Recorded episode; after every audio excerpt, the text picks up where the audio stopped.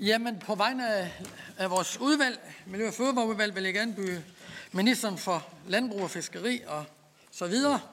Der er jo flere poster her, men velkommen her til et, en times samråd i udvalget. Og det er jo et øh, samråd, som er indkaldt øh, af Socialistisk Folkeparti, af Karl Valentin, og jeg er helt sikker på, at du gerne vil give en øh, begrundelse for det her samråd, og derfor er ordet dit. Værsgo. Det er jeg. Det vil jeg øh, bestemt gerne. Og tak for ordet, og tak til ministeren for at møde op. Jeg kan forestille mig, at øh, der er mange i Fødevareudvalget, der synes, at vi har diskuteret så rigeligt mink. Jeg synes også selv, at jeg har brugt rigtig meget tid på det. Jeg ville egentlig ønske, at vi ikke skulle bruge mere tid på at diskutere det. Øh, men desværre øh, så valgte den tidligere regering, og også den nuværende regering, jo at øh, sige, at vi skal øh, fortsætte med at have den her produktion i Danmark. Og når man beslutter sig for, at øh, man fortsat skal producere mink i små buer, så vil man også fortsat opleve, at der er konsekvenser for dyrene og de dyrevelfærdsproblemer, som vi altid har set i minkproduktionen og som vi ser i hele verden. Og øh, nogle af dem er jo øh, så for nylig blevet dokumenteret på billeder, som øh, angiveligt skulle vise øh, mink fra en dansk minkfarm med, øh, hvad der ligner bidesår og blodige pels og øh, også video, som viser det, man kalder stereotyp adfærd, altså at minkene opfører sig øh, på mærkværdige måder, går rundt om sig selv, øh, bevæger sig øh, i meget sådan, systematiske mønstre, fordi de simpelthen er totalt understimuleret i de her bitte små buer, og ikke ved, hvad de skal bruge øh, deres liv på og bliver frustreret. Og øh, i mange år, der har industrien og de partier, som har været tilhængere af minkavl, ligesom sagt, at det her det var et udtryk for brødende kar. Altså, at der var nogle enkelte steder, hvor der var problemer, men altså, den generelle tendens var noget andet. Nu er der så fire minkfarme i Danmark, øh, modsat omkring 1000 øh, tidligere. Øh, alligevel, så ser vi altså stadigvæk de her problemer. Og øh, derfor så kunne jeg godt tænke mig at høre fra ministeren, hvordan at man kan forsvare, at den her produktion den fortsætter, og hvad man vil gøre for at komme de her dyrevelfærdsproblemer til livs. Og derfor vil jeg lige læse mit samrådsspørgsmål op også, som lyder, hvordan vil ministeren stoppe den behandling af mink, som fremgår af billeder fra den hidtil største undersøgelse af pelsproduktion i Europa, der angiveligt viser danske mink fra 2023 med et voldsomt betændt bidsår omkring øjet, dyr indsmurt i blod fra snuden og langt ned ad maven, dyr uden stand til at rejse sig op øh, rejse sig og stereotyp adfærd. Tak. Ja, og tak for introduktionen. Og så er det øh, ministeren med henblik på besvarelse af samrådsspørgsmål. Værsgo.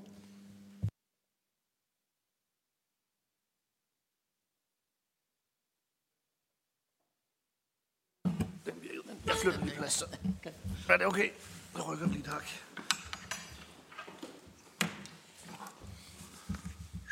Og tænden skal med. Super. Øh, nu virker teknikken også. Øh, beklager det lille udfald. Øh, først og fremmest øh, tak for øh, spørgsmålet til, til Karl øh, Valentin. Øh, og jeg forstår godt, øh, at øh, spørgeren er øh, optaget af at hjælpe de mink, øh, som øh, vi kan se øh, på billederne, øh, som jeg også har set, øh, ikke øh, har det øh, godt.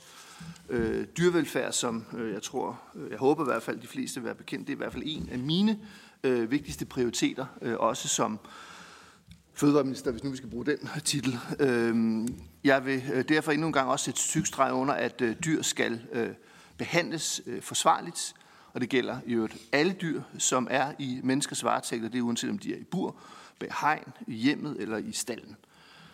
Og jeg ser også i den sammenhæng rigtig meget frem til drøftelserne med Folketingspartier, herunder spørgerens parti, om en kommende dyrevelfærdsaftale på baggrund af det udspil, som jeg også kom med i går. Indledningsvis så vil jeg også nævne, at det er øh, Fødevarestyrelsens opgave at føre tilsyn med, at øh, minkavlerne de så efterlever øh, de omfattende regler, der er om dyrevelfærd. Det sker blandt andet én gang om året i form af uanmeldte kontrolbesøg, men også som opfølgning på konkrete anmeldelser, så fremt forholdene i den konkrete sag giver anledning til det. Der henvises i øh, spørgsmålet til billeder af mink, som er offentliggjort af dyrevelfærds, øh, dyreværns undskyld, foreningen Anima, der også øh, offentliggjort en video, der viser øh, forholdene øh, på en øh, minkfarm. Og på videoen, der kan man øh, blandt andet se øh, en mink, som har svært ved at trække vejret og ser ud til at være øh, døende. Øh, en mink, som har øh, voldsom øjenbetændelse, og også en mink med tegn på, som der også bliver sagt i indledningen her, stereotyp øh, adfærd. Og jeg sidder også øh, selv her med, med billederne, som jeg har taget med, bare for at understrege, at det er øh, virkelig ikke rart at, at se på. Det er forhold, som skal håndteres enten ved behandling øh, eller øh, ved aflivning, øh, og det øh, har den, øh, besætnings, øh, den besætningsansvarlige øh, pligt til ifølge reglerne. Øh, det følger øh, nemlig af de øh, gældende regler med krav til øh, den besætningsansvarlige i bekendtgørelse om beskyttelse af pelsdyr. Den besætningsansvarlige har altså øh, et ansvar og også en pligt til at øh, handle øh, og gribe ind, hvis dyrene er syge eller skadet øh, og har behov for behandling, og det vil jeg også gerne understrege. Fødevarestyrelsen har oplyst mig, at styrelsen i starten af december var på et uanmeldt kontrolbesøg på den minkfarm, hvor flere billederne vurderes at stamme fra, for netop at følge op på dyrevelfærden. Øh, Fødevarestyrelsen har øh, således øh, reageret hurtigt, da billederne kom til styrelsens bekendtskab. Øhm, ved kontrolbesøget der fandt Fødevarestyrelsen imidlertid ikke dyrevelfærdsmæssige forhold, som gav anledning til at sanktionere. Styrelsen har også oplyst, at de tidligere på året har været på uanmeldt kontrolbesøg på tre på de tre minkfarme, som på daværende tidspunkt fandtes i Danmark, og der her efter så blev registreret en ny besætning, så, og, og den vil så også få kontrolbesøg øh, næste år. Minkfarmene er altså øh, blevet kontrolleret øh, grundigt for en lang række forhold herunder overholdelse af kravene til øh, dyrevelfærd. Og der er øh, ikke blevet ved de besøg konstateret overtrædelser af reglerne om dyrevelfærd øh, ved øh, besøgene.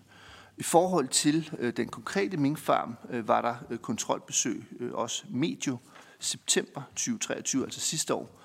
Øh, og der har Fødevarestyrelsen oplyst, at der ikke blev fundet øjenbetændelse, akutte blødninger eller øvrige forhold af dyrevelfærdsmæssige karakter, såsom stereotyp adfærd. Men jeg vil gerne understrege, at der i lovgivningen er en lang række regler med krav til den besætningsansvarlige pasning af mink. Og det er regler, som også adresserer de forhold, som vi ser på øh, billedmaterialet. Øh, blandt andet så skal mink øh, tilses mindst én gang om dagen, så man kan reagere hurtigt ved behandlingskrævende dyr. Øh, Fødevarestyrelsen har reageret på de forhold, som vi ser på billederne, men der er altså også regler, øh, som øh, pålægger den besætningsansvarlige at reagere, uagtet om der har været besøg eller ej. Er der mink med tydelige tegn på sundheds- eller adfærdsmæssig afvielse, så skal den besætningsansvarlige omgående tage skridt til at få fastslået årsagen og sørge for en passende afhjælpning. Og hvis afhjælpning ikke virker, så skal en dyrlæge konsulteres hurtigst muligt, øh, eller minken skal aflives straks. Der skal også være de relevante faglige færdigheder og kvalifikationer til at passe minkene, så de kan passes velfærdsmæssigt øh, forsvarligt. Og i forhold til det konkrete billedmateriale, der har Fødevarestyrelsen oplyst, at det er styrelsens vurdering på baggrund af Animas billedmateriale, at minken med øjenbetændelse var behandlingskrævende. Ifølge Fødevarestyrelsen så er det ikke muligt at konstatere, om minken så rent faktisk var under behandling. Fødevarestyrelsen kan derfor ikke fastslå, hvorvidt den besætningsansvarlige har handlet i tilstrækkeligt omfang, i det styrelsens kontrollanter ikke har set minken på det tidspunkt, hvor øh, det pågældende billede øh, er taget. Fødevarestyrelsen har så også oplyst, at der ikke er muligt at konstatere på baggrund af en masse billedmateriale, hvor længe tilstanden har varet hos den mink, som har svært ved at trække vejret, og ser ud til at være døende, og hos den mink, som har stereotyp øh, adfærd, som der også refereres til. Øh, ifølge Fødevarestyrelsen er det så der, derfor ikke muligt at konstatere, om der kunne have været grebet ind øh, tidligere. Men Fødevarestyrelsen har som sagt konstateret ved uanmeldte besøg, at der ikke var mink med behandlingskrævende sundheds- og adfærdsmæssige problemer på farmen ved kontrollerne i september og henholdsvis starten af december. Men her til sidst, bare for at understrege det, vil jeg gerne sige, at øh, forholdene på de øh, danske minkfarme selvfølgelig skal være i orden, og der er pligt til at opfylde, øh, opfylde de krav om, at dyr skal behandles forsvarligt. Øh, der er i lovgivningen krav, der sikrer dyrenes velfærd, og jeg mener ikke, at der på et nuværende tidspunkt måtte være grundlag for at skulle skærpe dem. Men det er selvsagt ikke i orden med syge dyr, der ikke bliver behandlet, og Fødevarestyrelsen har i den konkrete sag reageret ved at gennemføre et uanmeldt kontrolbesøg i den besætning, hvor flere af billederne vurderes at stamme fra. Og her blev der som sagt ikke fundet mink, som skulle have været under behandling, eller som skulle have været afledet. Jeg kan også oplyse, at minkfarmen i Danmark også i 2024 vil få uanmeldt kontrolbesøg, hvor styrelsen vil gennemgå forholdene på farmene. Minkfarmenes efterlevelse af reglerne bliver altså kontrolleret løbende. Sådan skal det også være, for vi har, som jeg startede med at sige, et ansvar for at sikre dyrenes velfærd uanset øh, hvor og hvordan vi holder dem, i bur eller bag hegn eller i stald eller hjemme, når de er i menneskers varetægt. Tak for ordet. Ja, tak til ministeren for besvarelse af samrådet. Øh, jeg lægger op til, til to spørger i gang, men i første omgang, så er det Karl Valentin, der, der får lov til som samrådsskaller at, at stille spørgsmål to gange. Ene. Værsgo, Karl Valentin. Tak for det.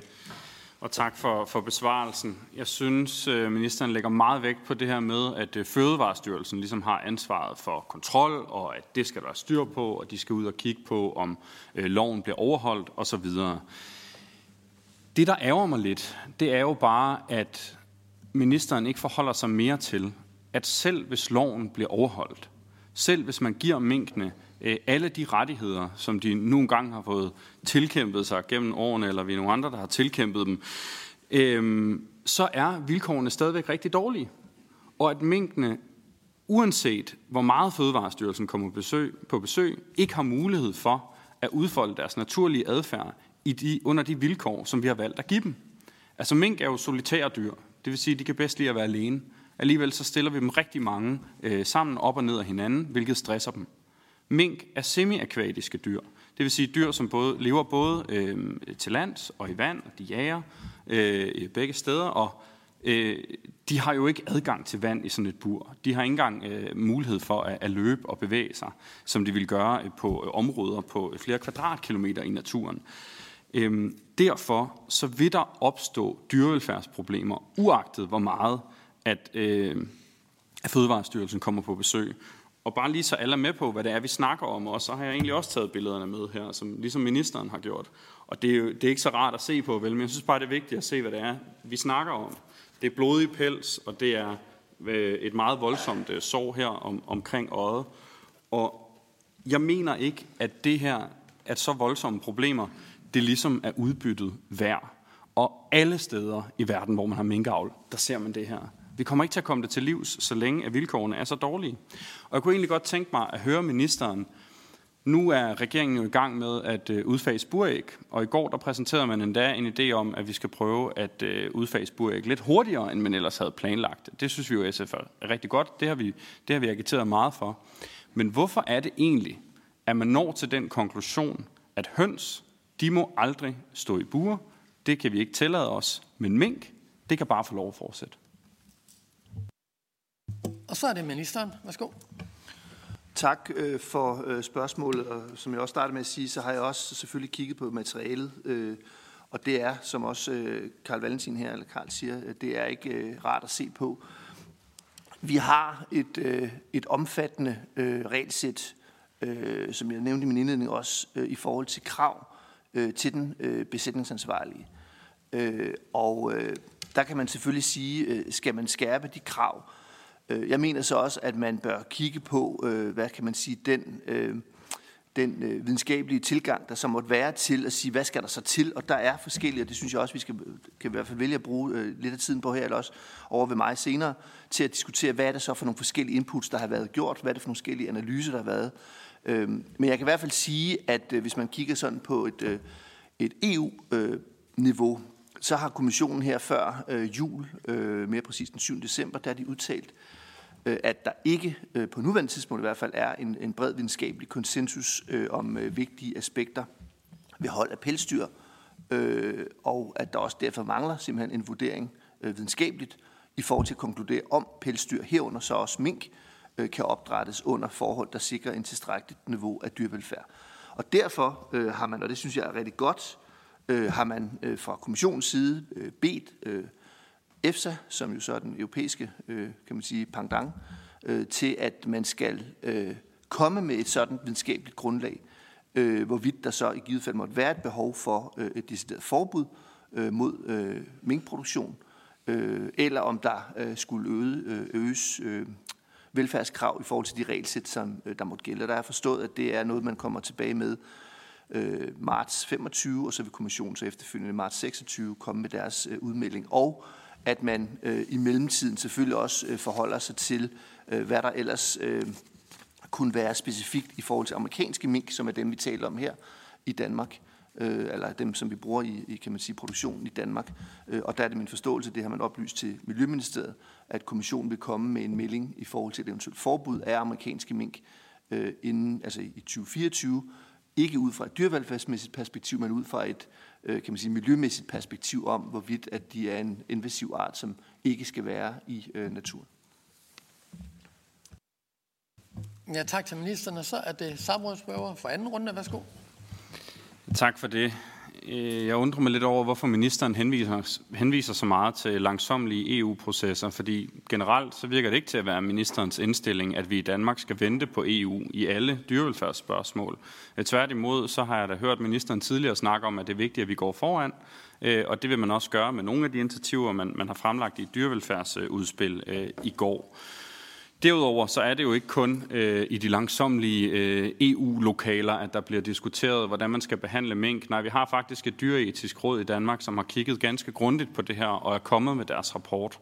Og de konkluderer jo, at der er problemer i den nuværende minkproduktion, og har sådan set også øh, skrevet øh, i deres rapport, at hvis man genoptager minkproduktion hvilket man så har valgt at gøre, men så skal minkproduktionen i fremtiden i højere grad tage udgangspunkt i dyrenes biologi som rovdyr med en solitær natur. Det vil sige, at man skal give dem nogle bedre vilkår. Jeg kunne godt tænke mig at vide, hvorfor ministeren ikke øh, har valgt at gøre det. Nu er det jo efterhånden noget tid siden, at Dyreetisk Råd kom med den rapport, øh, og nu har man fremlagt et dyrevelfærdsudspil i går, men der er ikke nogen forbedringer af dyrenes vilkår. Hvorfor er det, at man vil vente øh, på EU-konklusioner lige på det her spørgsmål, når man på andre spørgsmål snakker om, at det er vigtigt, at Danmark skal gå foran? Ministeren, værsgo. Øh, jeg har også øh, naturligvis set øh, det, som Dyretisk Råd øh, er kommet øh, frem med af øh, udtalelser øh, tilbage i øh, november 21 øh, omkring øh, minkproduktion, og hvor der også rigtigt, som det bliver refereret til, bliver udtalt, øh, at det eksisterende øh, bursystem øh, ikke øh, er øh, godt nok, øh, og som Dyretisk Råd så også siger i deres udtalelse, øh, at der bør udvikles et nyt øh, bursystem, øh, Øh, med inddragelse af ny forskning og med fokus netop på, på den nytænkning, øh, hvis øh, minkproduktion, som der også øh, siges her, skal genoptages. Øh, og at, øh, at man så også fra rådets side øh, så også siger, at mink ikke bør holdes i små buer. Det betyder så også rent faktisk det, som øh, EU-kommissionen nu har efterspurgt i EFSA, nemlig at hvad er det så, der skal til? Hvad er det for et grundlag, der skal til, for at man kan sige, at man kan øh, levere på den øh, dyrevelfærdsmæssige øh, tilgang, som øh, jeg tror, vi alle sammen deler. Øhm, fordi de siger jo også, dyretisk råd netop, at øh, man bliver nødt til at udvikle et nyt øh, koncept, øh, uden dermed også at præcis sige, hvordan det så skal gøres, for der skal selvfølgelig være et videnskabeligt grundlag at, at gøre det på baggrund af. Og som jeg forstår det, så er det præcis det, som kommissionen så også bedt om øh, i forhold til dyrevelfærdsmæssig del, og at de har så, som jeg nævnte før, øh, og det vil de komme tilbage til i marts 25, øh, EFSA, og så vil kommissionen derefter komme med deres konklusion. Øh, men at man allerede i 24 vil forholde sig til det miljømæssige, øh, og det kan man sige, det kan jo så i går sådan løse problemet, hvis det er, at man når frem til, at øh, man øh, siger ud fra et miljømæssigt øh, problem, øh, der vil man så forbyde amerikanske mink, fordi at det ikke skal være en, eller det ikke må være en invasiv art, som øh, kan øh, gå ud i naturen, øh, hvis den slipper ud af, øh, af minkfarmene. Øh, så det er derfor, jeg siger, at det dyreetiske råd, de siger, det er jeg sådan set øh, glad for, Øh, og det er også det, jeg forstår, at som EFSA de nu er gået i gang med på bestilling af kommissionen her fra før jul, at vi får det grundlag, og at vi så selvfølgelig også som regering øh, må tage stilling til og forholde os til, øh, når den øh, konklusion den ligger, uanset om den kommer ud fra et miljømæssigt aspekt, eller om den kommer ud fra et øh, dyrevelfærdsmæssigt øh, aspekt, øh, så har vi det grundlag at tage en beslut, øh, politisk beslutning ud fra, øh, herunder også selvfølgelig, hvis kommissionen selv måtte komme frem til en beslutning, som vi selvfølgelig må forholde os til. Ja, tak. Den næste spørger, det er hr. Søren Ikke. Enhedslisten, værsgo. Ja, tak. I det udspil, som ministeren kom med i går, øh, der står der, at Danmark er i mange år gået forrest internationalt for at sikre dyrevelfærden. Man må bare konstatere, at der er en lang række europæiske lande, som øh, har indført forbud mod mink. Og det er sådan set noget, der er sket øh, med, med England som det første land, og det er mere end 20 år siden. Jeg har svært ved at se, at man på minkområdet kan karakterisere Danmark som noget, der har noget som helst at gøre med et øh, foregangsland. Og man kan så også konstatere, at der i, i det udspil fra i går omkring dyrevelfærd intet er med omkring mink. Og øh, det undrer mig lidt. Øh, jeg kunne godt tænke mig at høre ministeren om, øh, om, om det er udtryk for, at ministeren er tilfreds med de forhold, der er på de fire danske minkfarme, vi har. Øh, vi har en pelsdyrsbekendtgørelse, som gør, at, som sikrer, at man at avleren en gang om dagen skal tilse sine dyr. Og med de farme, vi har her, så er der altså i gennemsnit en, øh, en over 5.000 dyr, der så skal tilses en gang om dagen. Og det øh, burde man jo kunne, når man skal ud og fodre dem en gang om dagen. Så det burde jo være muligt. Og alligevel ser vi så nogle billeder af mink, som har nogle skader, som jo helt sikkert er mere end en dag gamle. Så jeg vil godt høre, om ministeren har, har valgt ikke at tage nogen mink-indsats med i sit dyrevelfærdsudspil, fordi ministeren er tilfreds med de forhold, der er på de danske minkfarme. Og vi tager en spørger mere, og den næste det er Helene Brydenshold fra Alternativet. Værsgo. Ja, tak. Og øh, Søren Ikke var også øh, lidt ind på det. Der er 20 andre lande i Europa, der faktisk har forbudt minkavl, fordi de finder det dyreetisk uansvarligt. Øhm, og ministeren og jeg har jo også haft øhm, en rigtig positiv dialog omkring øh, burhøns, som øh, man nu har valgt at udfase, fordi det er dyre etisk uforsvarligt, mener ministeren også, og ministeren er engang, øh, endda klar til at kigge på, hvordan man øh, kan kaste lidt penge efter og, øh, og eventuelt udfase burhøns øh, hurtigere. Så jeg kunne godt tænke mig at stille to spørgsmål øh, i et. Øh, hvordan, hvordan ser ministeren, at, at, det, at de dyreetiske omstændigheder omkring pelsdyr er anderledes end, øh, end høns? Minkene står også i trådbuer fuldstændig tæt på hinanden, og øh, Karl Valentin har, har jo lige redegjort for, øh, hvad det er for en natur, øh, mink egentlig har, og hvad det er deres øh, naturlige behov. Øh, så hvad er forskellen på de to ting, og hvad er de gode argumenter for, at vi bliver ved med at holde mink og andre pelsdyr i Danmark, udover de økonomiske øh, gevinster, der selvfølgelig er for dem, der holder dem? Er der nogle miljømæssige, er der nogle øh, dyreetiske øh, positive sider af, at vi bliver ved med at have det her i Danmark, på trods af, at 20 andre lande i Europa har godt kunne se, at det ikke er forsvarligt. Så er det ministeren. Værsgo. Tak øh, for øh, to, øh, synes jeg, fine øh, og gode spørgsmål. Øhm, der bliver spurgt lidt fra begge spørgers side i forhold til, øh, hvordan øh, jeg ser på det i forhold til Danmark som, øh, som forgangsland, og nu andre, øh, eller i hvert fald en stribe andre øh, lande, øh, 20 tror jeg det er, øh, har i EU har for, øh, forbudt øh, minkproduktion. Øh, man kan sige, hvis ikke i alle, så i hvert fald rigtig mange af dem, som har forbudt minkproduktion, der har der slet ikke været nogen minkproduktion. Så sagt sådan lidt, øh, og det er ikke for at være polemisk, så har det været en gratis omgang øh, for dem. Øh, det ændrer ikke på, at jeg mener, at vi selvfølgelig øh, skal være et, øh, et forgangsland i den produktionsform, der så er. Øh, og det, det er det, jeg refererer til, når, når Søren Ikke han spørger øh, i forhold til det udspil, vi kom med i går. Øh, og der øh, synes jeg også, man kan sige, at hvis vi kigger på, på minkproduktion i Danmark, i hvert fald baseret på den seneste øh, kan man sige, øh, videnskabelig øh, vurdering fra vores øh, myndighedsuniversitet øh, på det område, nemlig Aarhus Universitet, de har så tilbage i øh, 21, altså for et par år siden, øh, lavet en rapport omkring velfærden, hvor man så også der øh, har nuancer med, øh, vil jeg starte med at sige, men hvor man dog alligevel kommer frem til den øh, konklusion, baseret på data, vil jeg også understrege fra 17 til 19, så det er selvfølgelig år tilbage, men der kommer man frem til, at man i gennemsnit på dyrevelfærden for danske minkfarm var bedst af de 24 lande, der på det tidspunkt tillod det. Øh, men det er også rigtigt, at i den rapport, der ligger der også øh, områder, øh, hvor man siger, at øh, eksempelvis i forhold til fodring af tæverne, at der er altså øh, ting, som ikke er i orden, øh, eller der ikke er godt nok øh, i sammenligning med de andre lande. Men, men i gennemsnit, øh, så når man kigger over det, så har de i hvert fald vurderet, at vi, at vi lå øh, i toppen. Så man kan sige, med, øh, med det forhold, at der er minkproduktion, øh, Øh, så ligger vi som et forgangsland. Øh, men man kan selvfølgelig have, og det er jo helt legitimt at mene, at man ikke skal have den produktionsform overhovedet, øh, så er det jo selvfølgelig en anden situation. Men i situationen, hvor vi har produktionen, øh, så er det den måde, som vi håndterer øh, dyrene på, øh, vurderet ud fra Aarhus Universitet med de data, som de brugte, der ligger vi så i, i toppen, når man kigger på det på den måde.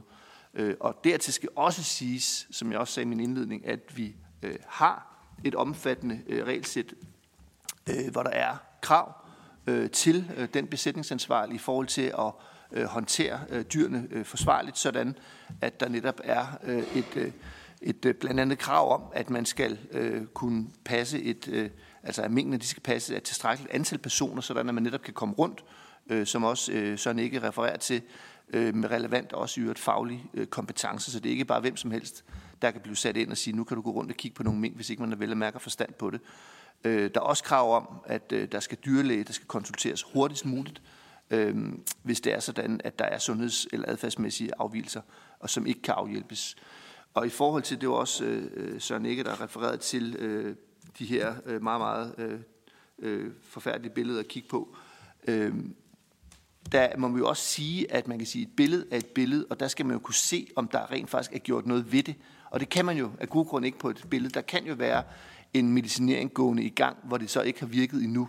Det kan også være, det er det, som Fødevarestyrelsen også øh, oplyser, at, øh, at øh, øh den pågældende mink her er blevet aflevet, øh, efter øh, de her forhold er blevet konstateret. Øh, så det er ud fra den betragtning, at man kan ikke sanktionere noget, som ikke er konstaterbart ved et besøg. Øh, så det er ligesom det, der er, øh, der er baggrunden øh, for det. Øh, øh, I forhold til, hvorvidt man sådan dyretisk kan forholde sig til det eller ej, øh, jeg synes, det er vigtigt, at man sådan set øh, har en, øh, kan man sige, også en øh, videnskabelig tilgang til de her ting, øh, ud fra den betragtning, at øh, dyr er forskellige, dyr reagerer forskelligt, dyr har forskellige behov. Øh, de har, som Karl Valentin siger, de ikke adgang til vand, de har dog adgang til drikkevand, men, men jeg forstår godt, hvad der blev spurgt til, at de kan ikke ud, så naturligt gå ud øh, i, i vand, det, det er jeg helt med på. Øhm, men at, hvad hedder det, at der netop derfor også er nødt til at komme det videnskabelige grundlag, som dyretisk råd øh, efterspørger i forhold til eksempelvis burenes indretning, størrelse med videre, øh, og det er så det, som kommissionen så her lige før jul har bedt EFSA om at komme med, øh, og det øh, ser jeg faktisk meget frem til, så vi kan have en, en, øh, kan man sige, en afklaring af det dyrevelfærdsmæssige problem, eller tilgang til det, vil at mærke, hvis vi stadigvæk har den mulighed, hvis ikke kommissionen af miljømæssige årsager inden da er kommet med et forbud i forhold til amerikanske mink. Ja, tak til ministeren, og vi går videre i rækkefølgen. Den næste spørger er fra Danmarksdemokraterne, Christian Bøsted. Værsgo. Tak for det. Jamen, øh, som en, der rent faktisk har haft min daglige gang på minkfarm og arbejdet der i nogle år, øh, så vil jeg faktisk godt tage erhvervet øh, lidt i forsvar her. Jeg anerkender fuldt ud, at der findes problemer rundt omkring, og man kan gøre mere for dyrevelfærden. Men den tid, jeg var der, oplevede jeg i hvert fald, at det var meget mere fokus end bare et dagligt tilsyn. Der gik nogen hele tiden og kiggede derude, og det gjorde man af en simpel årsag. Man ville gerne have, at mængden havde det så godt som muligt under de forhold, der var muligt derude. Netop fordi jo bedre dyrevelfærd mængden havde, jo bedre pels havde de. Det er der selvfølgelig også en økonomisk øh, grund til, at man gerne vil.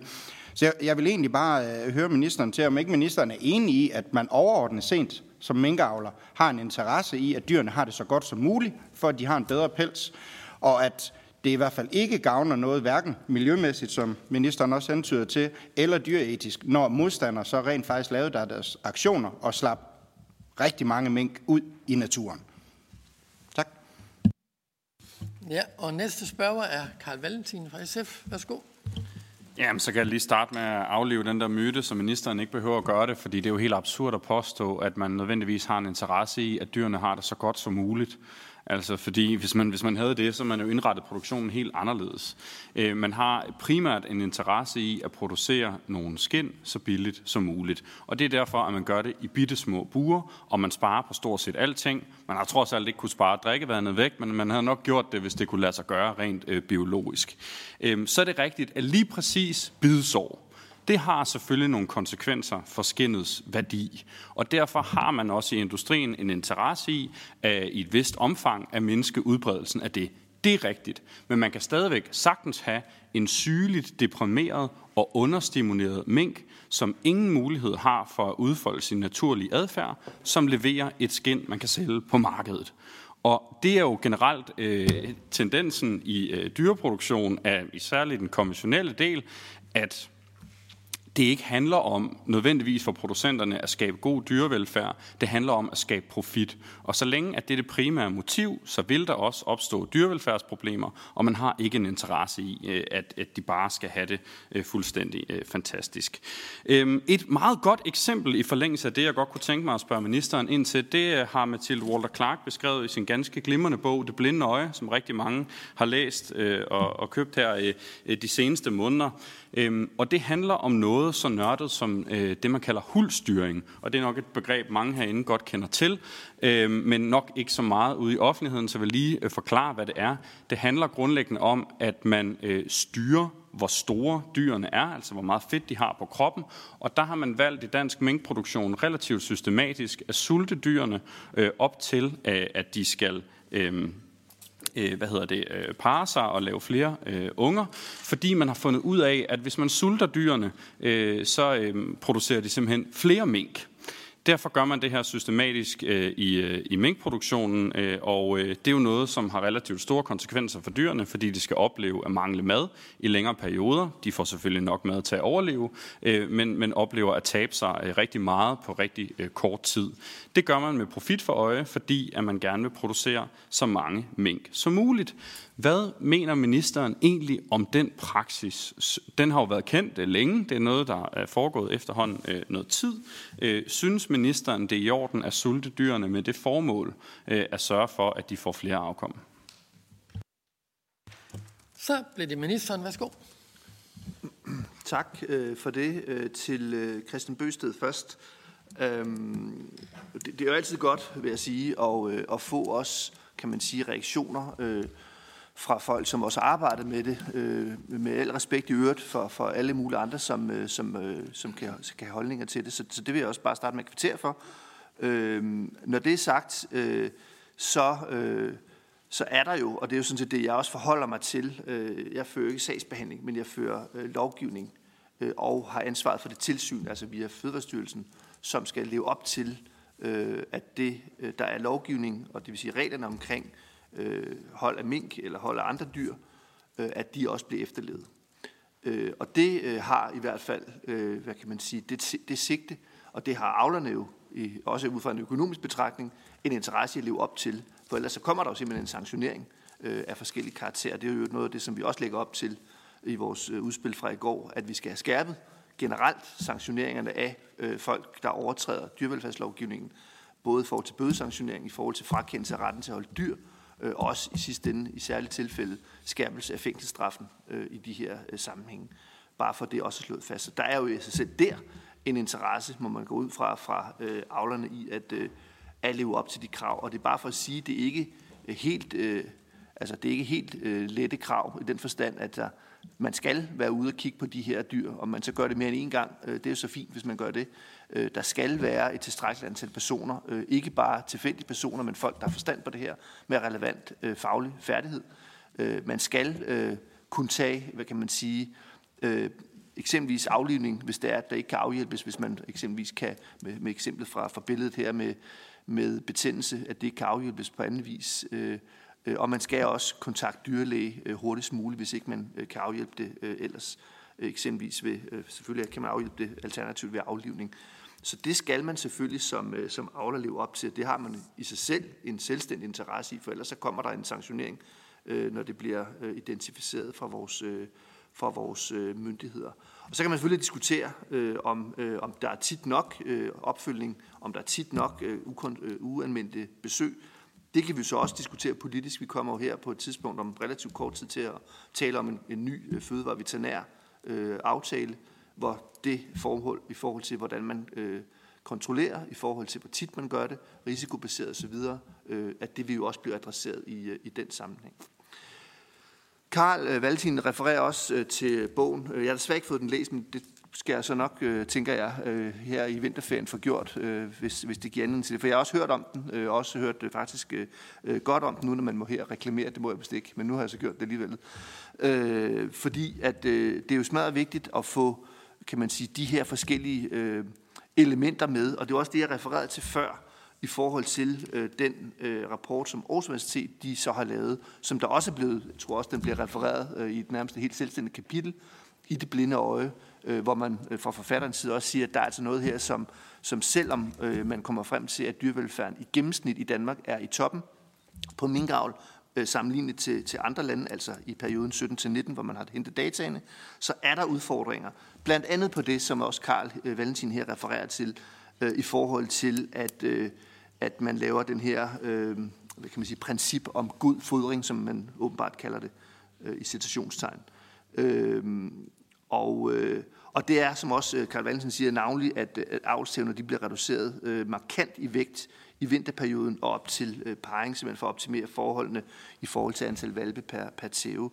Øh, og, øh, og det er der også blevet stillet et spørgsmål om, øh, bliver lige øh, oplyst om, øh, og det er så et svar, som vi endnu ikke har givet, men vi har givet et forløbigt svar, og det er, at vi er i gang med at udarbejde øh, svaret øh, til, øh, fordi at der er forskellige ting, der skal indhentes, blandt andet omkring øh, ja, netop den udtalelse fra Aarhus Universitet, og øh, det er det er så forventningen, kan jeg forstå her, at det bliver besvaret i løbet af april måned. Ja, tak til ministeren. Vi går videre i talerangen. Den næste er Søren Ikke, Enhedslisten. Værsgo. Ja, men siden at, at ministeren ikke har taget noget med om mink i sit uh, dyrevelfærdsudspil, så må det jo være, så må jeg jo konstatere, at det må så være udtryk for, at ministeren er tilfreds med den standard, der er dyrevelfærdsmæssigt ude blandt minkene, og at ministeren afventer, at EFSA måtte komme med et eller andet. Nu refererede ministeren øh, over til rapporter fra Aarhus Universitet, og der kan jeg da godt anbefale at læse øh, bogen Det blinde øje, øh, som jo øh, også refererer til, at en række rapporter om mink, øh, finansieret af Copenhagen Fur, øh, udført af Aarhus Universitet, manglede henvisninger til, hvem der egentlig betalte for rapporten, og det blev der så samlet op på, efter den oksekødsrapport øh, fik kritik fra Aarhus Universitet. Så jeg kan da anbefale at læse øh, det kapitel, selvom jeg heller ikke øh, øh vil gøre store reklamer, men øh, øh, jeg synes, der er lavet et rigtig godt researcharbejde øh, i forbindelse med den bog. Man kan absolut godt blive klogere på den, og det, øh, man får det klare indtryk, at økonomi i mink avlen er væsentligt vigtigere end dyrevelfærd. Og det synes jeg øh, er medvirkende til, at det er nemmere at sige, at her er noget, som, som bør afskaffes også i Danmark. Og der er vi så ikke kommet til endnu. Man har brugt 19 milliarder i minkerstatninger, men vi har ikke fået noget ud af det. Det kunne man have fået, hvis man havde konkluderet, at minkavl skal stoppe og ikke genindføres i Danmark. Jeg kunne godt tænke mig at høre, om ministeren er bekendt med, om øh, den rapport, han henviste til, hvor at øh, øh, danske mink åbenbart skulle have haft det bedre i en rapport fra 2021. Er det fordi, at man i Danmark har et plastikrør, som minkene kan kravle igennem, når en tot halm? Er det, er, det, er det på det niveau? Fordi man har jo minkbuer, som har den størrelse, de har, for at den, der skal fange minkene, kan nå ind til dem. Så det er jo ikke udsigt til, at de får større buer, før mennesket får længere arme. Øh, så man er jo ligesom, øh, det er jo styret af noget økonomi, men når den rapport, øh, ministeren henviser til, at, at det, er det en af de rapporter, som øh, er, er finansieret af Copenhagen før. Og så er det Helena Brydensholt, Alternativet. Værsgo. Ja tak, og jeg fortsætter lidt i, i sporet her med, øh, med hudtilpasning, eller bare at sulte mink, kan man også kalde det. Øhm, og det er så mig, der har stillet spørgsmål til ministeren øh, for, øh, om, omkring det her, og det tager så helt øh, til april at få en udtalelse til Aarhus Universitet.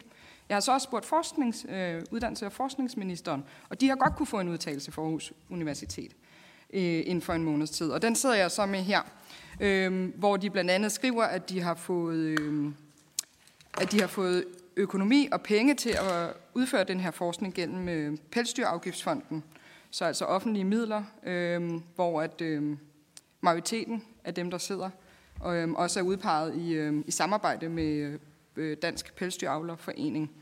Øhm, men nogle af de interessante ting, der står i den her øh, udtalelse, det er jo så også, at man, øh, at man jo sulter mink i øh, det, de så kalder en kortvarig periode, men som så viser sig at være to måneder, altså slut december til slut februar. Så man øh, reducerer minkenes øh, fedt med 40 procent i de koldeste måneder. Vi, har selv lige, øh, vi kan jo bare lige selv gå udenfor og prøve at mærke efter, hvor koldt det er i de her måneder.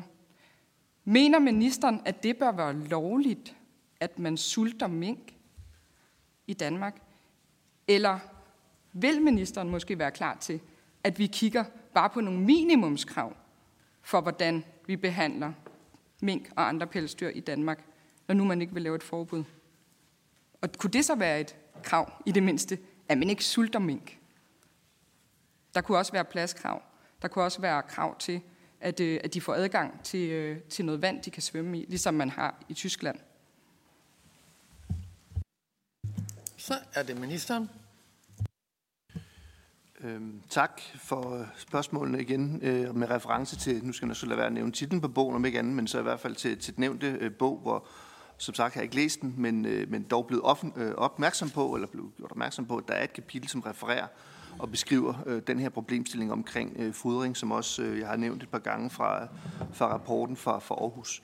Øh, jeg er ikke klar over, hvorvidt den er direkte finansieret af Pelsafgiftsfonden, øh, men, men den er i hvert fald ikke direkte finansieret så af kan man sige, erhvervet i den forstand, at det går dog trods alt via Pelsafgiftsfonden, hvis det er sådan. Det ændrer ikke på, at jeg tager til trone, øh, når der kommer en rapport fra et øh, Øh, anerkendt øh, og øvrigt det øh, universitet i Danmark, som vi betjener os af som myndighedsbetjening i alle mulige sammenhænge. Der var andre tal, der kom frem i går i en helt anden sammenhæng for selv samme universitet, som vi også forholder os til. Så vil jeg selvfølgelig tage afsæt i det. Både når der står, at man i gennemsnit ligger i top, hvad dyrevelfærd angår på det tidspunkt, man vurderede det, men også når man refererer til, at der er udfordringer i forhold til fodringsprincippet, som også Helene refererer øh, til sit, øh, sit spørgsmål. Øh, men hvorvidt, at øh, hvordan man kan man sige rent biologisk som, som mink forholder sig, og hvordan man øh, dyrevelfærdsmæssigt har det i forhold til den fodring, øh, det vil jeg ikke kunne politisk øh, på nuværende tidspunkt øh, have en holdning til, forstået på den måde, at øh, jeg er ikke dyrlæge. Jeg har ikke forstand på den del af det, og det forventer jeg så, at jeg får et videnskabeligt svar fra netop øh, folk, der har forstand på det øh, fra universitetet. Øh, og de øh, kommer så tilbage til april, og den sammenhæng vil jeg selvfølgelig øh, med det samme naturligvis oversende det svar, som der blev spurgt om, øh, og så også tage hold, øh, forholdning øh, til, at det er det, som videnskaben siger, at øh, minkenes kan man sige, biologiske øh, altså krop, hvordan den udvikler sig, også i forhold til øh, vintervejr øh, og så videre, hvordan den kan holde varmen og alt, hvad der skal være med omkring det. Det er det, som jeg forventer, at svaret fra universitetet det vil, give, øh, det vil kaste lys på. Ja, tak til ministeren. Næste spørger er Karl Valentin. Værsgo. Tak. Nu har vi kredset øh, meget om, øh, om dyrevelfærden øh, på det her samråd, øh, men der er jo flere andre problemer med minkavl, øh, må man sige. Og øh, jeg kunne godt tænke mig at nævne nogle af dem, øh, også for at prøve at forstå bedre, hvorfor ministeren synes, det er så vigtigt at starte den her produktion op igen, for jeg har faktisk svært ved at forstå det. Altså under covid-19, der lærte vi, at mink er et dyr, som er meget modtageligt over for rigtig mange smitsomme sygdomme. Øh, det er øh, øh, det har jo så været tilfældet i Danmark, at minkproduktionen har udgjort et stort smittereservoir, og at mængdene øh, og sygdommene i mængdene kunne mutere på måder, som øh, kunne få store konsekvenser for folkesundheden. Noget af det, det ser man også i Finland lige nu. I Finland har de kæmpe problem med, at fugleinfluenza spreder sig i minkproduktionen. Og det er den her øh, højpatogene, altså meget, meget farlige H5N1, som øh, sniger sig ind på minkfarmene. Og man har i den anledning skulle aflive rigtig mange mink. Der er altså en risiko for folkesundheden, fordi ja, som er meget, meget bekymrende, fordi at når de, de her meget farlige øh, virer, som sådan noget som H5N1, begynder at mutere, øh, så, det, så det kan smitte arter, der ligner mennesker mere, hvilket mink gør i forhold til fugle, jamen så er der risiko for, at der en dag vil være større sandsynlighed for, at flere mennesker får den her fugleinfluenza, øh, som øh, jo er meget, meget dødelig, hvis man skulle være så øh, uheldig at få den. Derudover så er der store øh, problemer med ammoniakudledning fra minkproduktionen. Øh, nu er det selvfølgelig meget mindre, fordi øh, der kun er fire tilbage. Det er lidt værre at have 1000 minkfarme, end der er at have fire. Men trods alt, ammoniakforureningen øh, har konsekvenser for vores øh, folkesundhed, øh, og det har også store konsekvenser for folk, der bor tæt på. Øh, man har ofte hørt øh, fra naboer, øh, der klager over, øh, hvor, hvor hårdt det er at bo lige ved siden af en øh, minkfarm. Så ved vi også, at mink det er en invasiv art. Ministeren sagde, sagde det endda øh, tidligere, det her med, at de amerikanske mink hører slet ikke til her. Og når de engang imellem slipper øh, ud, hvilket øh, de desværre gør, så har det altså konsekvenser for dansk natur. Øhm, og øh, Dansk Ornitologisk Forening har blandt andet påpeget, at undsluppende mink på pelsfarm i årtier har udgjort en trussel mod jordroende fugle i den danske kystnatur øh, og i indlandets vådområder. Øh, nu bliver det problem så nok også lidt mindre, fordi vi har en mindre produktion, men alligevel. Hvordan kan det være, at når vi har så mange problemer, der har konsekvenser for minks sundhed, for menneskers sundhed, øh, for vores klima, for vores luft, øh, i, i forhold til øh, vores natur, og så selvfølgelig også dyrevelfærden. Hvordan kan det så være, at det er så vigtigt for regeringen at genstarte minkproduktionen. Og man kan jo ikke bare sige, at det er sådan, Nå, men så vigtigt er det ikke. Det er bare sådan frihed, det må folk gøre, hvis de har lyst. Fordi man har faktisk lagt noget energi i det. Man har lagt en masse energi i at udvikle dvaleordninger, sådan at folk kan starte op igen. Man har lavet nye regelsæt øh, for smitsomme sygdomme, fordi man skal være mere forsigtig i fremtiden osv. Så man har faktisk brugt en masse skattekroner øh, og energi på, at den her produktion skal starte. Hvorfor er det så vigtigt for regeringen, at den starter igen, når der er så mange problemer med produktionen, og andre lande godt kan finde ud af at lukke den? Så er det Helene Brydensholt, Alternativet. Værsgo. Tak. Øhm, jeg synes, det kniber lidt med at få besvaret mine spørgsmål, så jeg stiller altså lige øh, et af dem igen i hvert fald. Hvilke gode argumenter øh, kan ministeren komme med for, at, øh, at vi har pelsdyravl i, i Danmark, udover det økonomiske aspekt selvfølgelig? Og så bliver det ministeren. Værsgo. Først øh, til, øh, til Karl øh, Valentin, altså i forhold til sundhedsaspektet. Øhm, det er jo ikke sådan, at øh, man så startede op øh, igen øh, fuldstændig på øh, samme vilkår, som øh, man havde, øh, kan man sige, inden corona. Øh, der er præcis til den årsag, som det bliver nævnt, lavet betydeligt skærpede regler omkring øh, håndteringen af de øh, sundhedsmæssige aspekter, øh, værnemidler med videre, øh, som, som man skal bruge, og som man så selvfølgelig også skal følge øh, som en del af det. Så det er ikke sådan, at man siger, nu gør vi det fuldstændig, som vi gjorde tidligere, og vender, om man så må sige, det blinde øje til, hvad det angår. Øh, det gør man ikke. Øh, det er rigtigt, at øh, der kan være øh, udfordringer, har i hvert fald været det, øh, af forskellige grunde, når de er sluppet ud, men øh, det er også sådan, at øh, øh Øh, hvis øh, man kan sige, at øh, man lavede et decideret forbud mod at holde mink ud fra den betragtning, jamen der har vi så også i forvejen i Danmark foranstaltninger til netop at forhindre det, i at de slipper ud til naturen, hvor, hvor andre og betydeligt mindre foranstaltninger kan anvendes til at undgå det, end at skulle lave et forbud, hvis det er det, man har som, som kan man sige, sit, sit primære problem med at have en minkavl. Der har vi øh, fra regeringens side også arbejdet på, øh, at, øh, at, at man netop ikke laver et forbud, men at man laver øh, regler for, at de så slipper ud, øh, for at undgå, at netop den invasive art skulle gå ud og, og kan man sige, forurene øh, naturen. Øh, I Danmark der har vi også øh, regulering af, hvordan øh, minkfarmene så netop af den grund også skal øh, indrettes, for netop at undgå, at de undslipper øh, til naturen. Øh, Øh, man kan selvfølgelig ikke undgå, hvis der er nogen, der bryder ind og, og lukker dem ud, men, men det er jo så selvfølgelig, hvad, hvad, hvad det er. Men i den generelle øh, kan man sige, tilgang til det, så har vi altså regler for det. Øh, blandt andet, at øh, minkfarmene de skal være omgivet af øh, hegn, øh, og der skal være øh, fælder op langs med øh, indersiden af hegnet, øh, hvis man skulle øh, have en, en, øh, en mink, der var sluppet øh, derud. Øh, og derudover øh, skal der også være døre øh, med videre, skal være forsynet med automatisk lukkeanordninger. Øh, også det er noget, som styrelsen selvfølgelig løbende følger øh, med i, at man overholder. Øhm, og derfor øh, har jeg også derudover noteret mig, at, at fagpersoner har udtalt, at, at det lave antal minkfarm, som også Karl Valentin nu refererer til, det betyder, at der øh, ikke slipper, kan man sige, nok mink ud, om man så må sige, til naturen til at øh, skulle sikre bestandens overlevelse i naturen. Med andre ord vil de så, dem der slipper ud, altså dø øh, naturligt. Dog skal nævnes, at Bornholm øh, har en, en særlig udfordring, hvor de formentlig ikke vil dø naturligt, øh, i hvert fald ikke i første øh, omgang. Øh, og udover det, hvis det er miljømæssige konsekvenser i øvrigt, så øh, må jeg selvfølgelig henvise til mine øh, kollega på, på miljøområdet. Jeg får lige anledning til, bare i forlængelse af det, som øh, Karl Valentin også spørger til i forhold til øh, sundhedsaspektet. Nu nævnte jeg tidligere, at øh, kommissionen har bedt EFSA om at komme med sin videnskabelige vurdering i forhold til det dyrevelfærdsmæssige aspekt. De kommer så tilbage i, i marts øh, 25, altså EFSA, og så kommer kommissionen så forventeligt med deres vurdering øh, i marts 26. Det er ikke sådan, at man så sidder med hænderne i skødet, hvad det angår, fordi man netop har sagt, at man i den mellemliggende periode, der vil man så også fortsætte øh, det øgede samarbejde mellem sundhedsmyndighederne og veterinærmyndighederne i det One Health, som det hedder, samarbejde, som er startet øh, her. Øh. Og det er også selvfølgelig udveksle de informationer i fælles øh, meddelelse arbejdet af EFSA og det Europæiske Center for Sygdomsforbyggelse øh, og Kontrol, det der forkortet hedder ECDC. Øh, så også den dimension har øh, kommissionen øh, øje for. Oh, så glemte jeg Helene. Undskyld, det var, det var rigtigt. Altså, øh, man kan selvfølgelig mene, øh, hvad er fordele og hvad er ulemper ved en øh, given produktionsform. Øh, men øh, det er øh, et, kan man sige, liberalt erhverv i den forstand, at det er jo også lidt i forlængelse af det, som Christian Bøsted spurgte til før.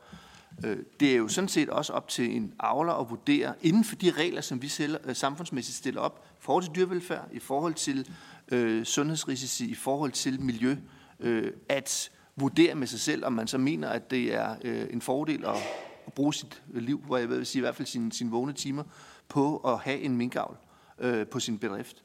Øh, og det mener jeg sådan set ikke, at jeg som udgangspunkt skal blande mig i, øh, om den fordel den er, den er stor nok til, at man vil bruge de timer på det. Men det jeg gerne vil blande mig i, det er de rammer, vi så stiller op for det.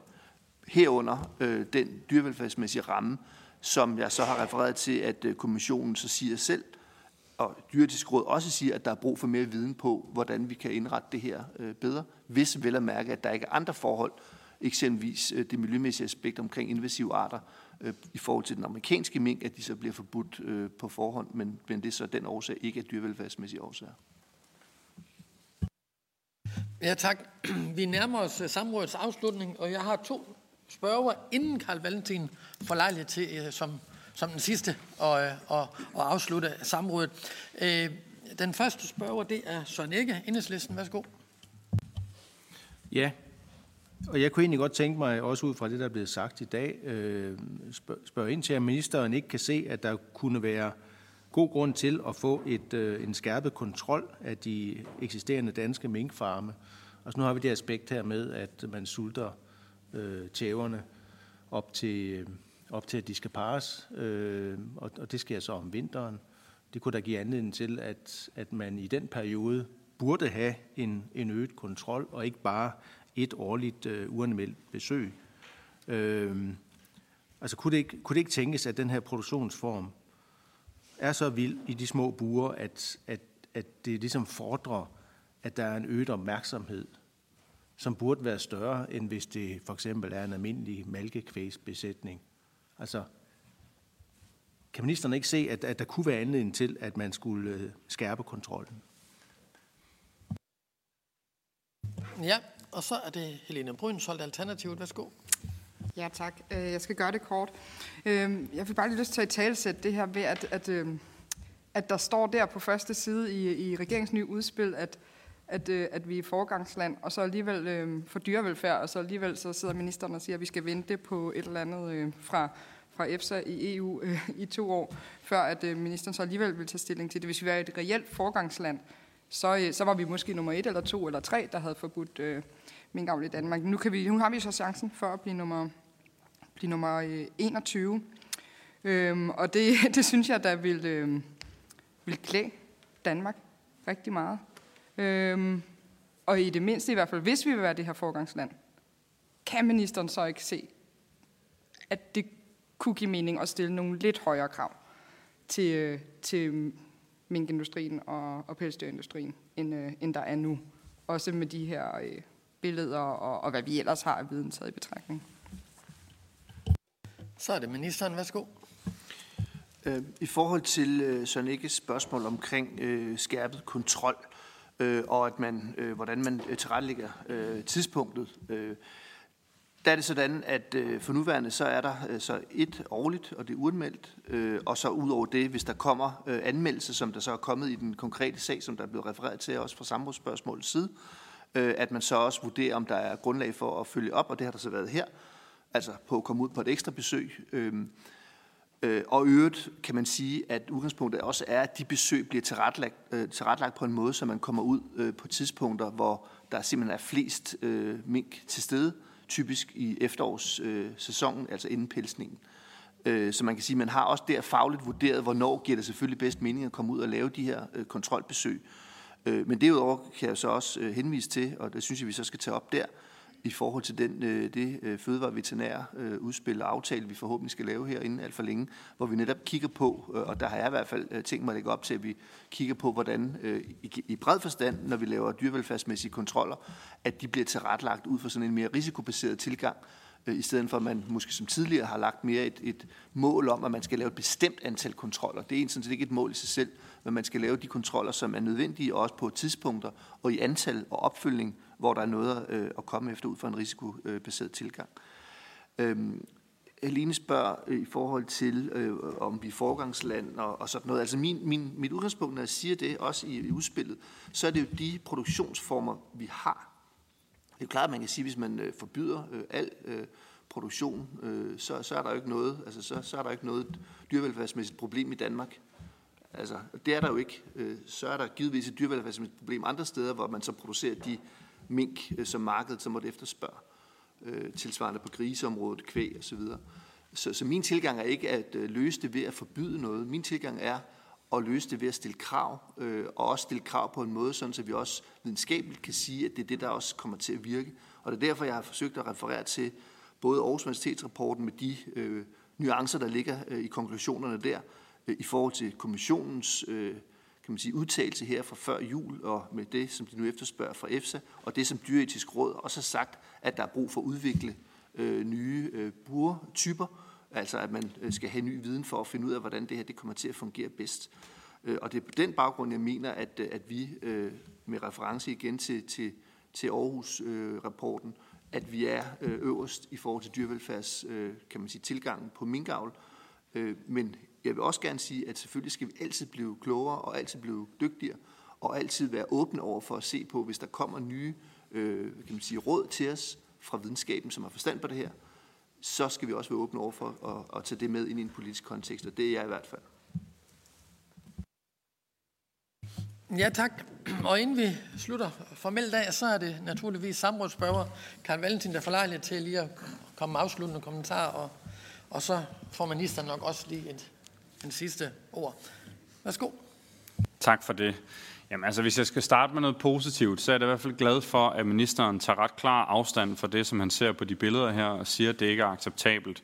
Øh, min påstand er så, at øh, den her form for problemer vil blive ved med at opstå, så længe vi har øh, i, i, i Danmark, men ikke desto mindre øh, tak for at tage klar afstand fra det.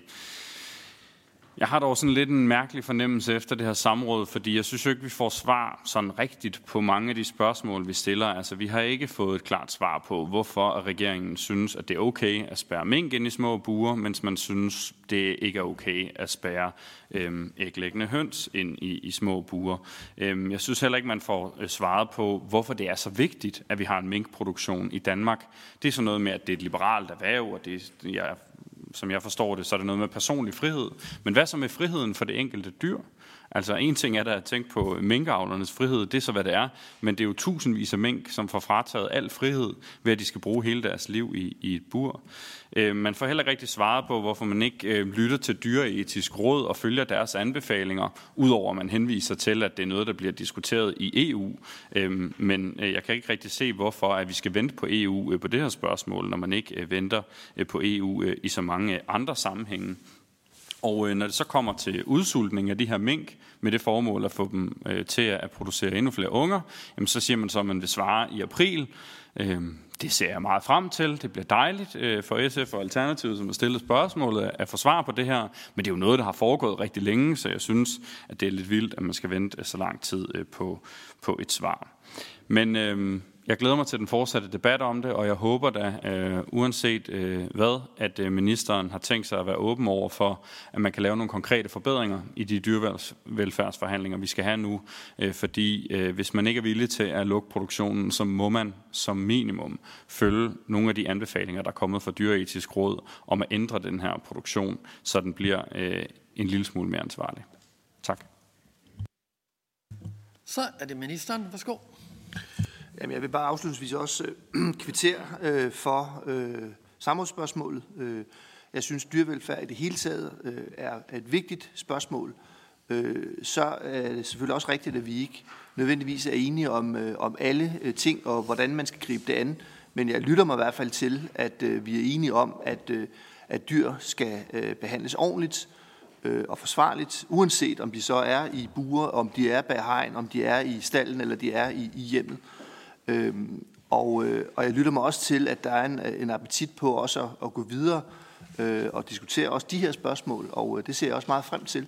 Og jeg er åben over for, når vi øh, får de forhandlinger, som er indkaldt til på tirsdag i næste uge, øh, hvor vi får vores første runde af det udspil, som vi har lagt op til, at øh, vi også får en runde om øh, fra partiernes side og også efterfølgende øh, løbende øh, møder med partierne omkring, hvor man ser prioriteterne på dyrevelfærdsområdet, og så er jeg helt sikker på, det tager som selvfølge, at der er nogle partier, øh, også repræsenteret her, som vil bringe øh, det her spørgsmål ind, og så må, vi jo, så må vi jo snakke om det derfra. Men tak for øh, samrådet i dag. Ja, og med, med de ord vil formanden også sige tak for god ro og orden her i samrådet. Det åbne samråd er afsluttet. Vi har andre punkter efterfølgende. Men tak for ministerens deltagelse. Tak.